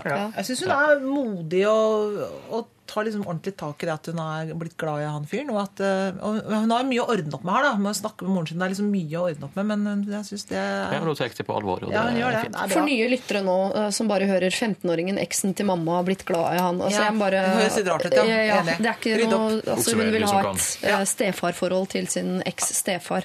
Bare så ikke det høres Sånn var ut. det. Mm. Ja, Ulrik, du må også være enig, faktisk. Ja, jeg, jeg, jeg er helt enig. er 15-åringen. eh, Hvis, vi, hvis vi kan enes om det, Ja. Det kan så vi. kan det bli fred i verden. Ja, det tror jeg òg. Skal jeg hilse fra Håkon Mosleth og si at det er ekstremt i målgruppa å sende T-skjorta til en 15-åring. Ja. Så det er jo det er jo vi Ja. opptatt av. Vi er jo i målgruppa sjøl. Ja, det er vi. Ok, da eh, ble det ikke fotballfans eller folk med hårete kjærester eller noen ting som får eh, T-skjorta i dag, men det blir en 15 år gammel jente som ønsker å ha et forhold til sin, eh, altså et stefarforhold til sin eks-stefar, for å være så tydelig som overhodet mulig. Eh, gratulerer med det. Tusen takk til dagens rådgivere. Jeg håper dere får en fortreffelig lørdag videre. Sjøl takk. takk, samme. Og dere er hjertelig velkommen tilbake selvfølgelig i Lørdagsrådet seinere. Neste lørdag så har vi en slags P3 Morgen-spesial. Da kommer eh, Ronny, Silje og Yngve og skal være rådgivere her eh, sammen med meg. Det gleder vi oss til. Enn så lenge, kos deg med podkast, det er gratis. Kos deg med bilde av dagens rådgivere på Facebook. Det er også gratis. Og så må jeg minne om også at uh, Lørdagsrådet radio etter hvert blir Lørdagsrådet TV i tillegg til radio. Vi går ikke av radio for å gå på TV, så vi trenger uh, parproblemer til TV-varianten av, av radioprogrammet. Så hvis du har et problem sammen med kjæresten din, dere er enige om problemet, men ikke løsningen, så send det inn til meg. Siri, alfakrøll, nrk.no. Takk for i dag. P3. Dette er Lørdagsrådet på P3. P3. Hør flere podkaster på nrk.no podkast.